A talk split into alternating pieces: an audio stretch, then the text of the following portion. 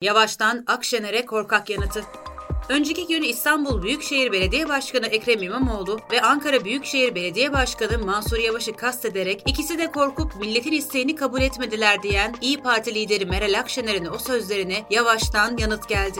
İyi Parti Genel Başkanı Meral Akşener'in dün Uşak'ta yaptığı çıkış siyasetin gündemine oturdu. Peş peşe istifalar sonrası res çeken ve partimize operasyon olduğu ortaya çıktı. Savaş ilanı olarak kabul ediyorum diyen Akşener, İstanbul Büyükşehir Belediye Başkanı Ekrem İmamoğlu ve Ankara Büyükşehir Belediye Başkanı Mansur Yavaş'a da tepki gösterdi. Akşener bir aydınlanma yaşadım. Sayın Erdoğan bilir, İmamoğlu da öğrenecek. Ben Sayın Erdoğan hapse girerken oradaydım. Çoluğu çocuğuyla ilgilenen bendim. Evinin önünde polis noktası kaldırıldı kaldırıldığında oradaydım. En ağır hakaretleri işiten ben oldum, dedi.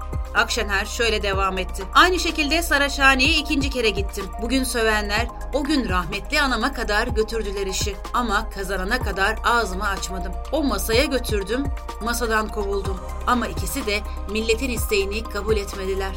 Akşener'in açıklamalarının yankıları sürerken Mansur Yavaş'tan o ifadelere ilk yanıt geldi. Gazetecilerin sorularını yanıtlayan Yavaş, korkaklıkla suçlanmak açıkçası zoruma gidiyor. Korkak falan değilim. Önceliğimiz kesinlikle ama kesinlikle Ankara'dır, dedi.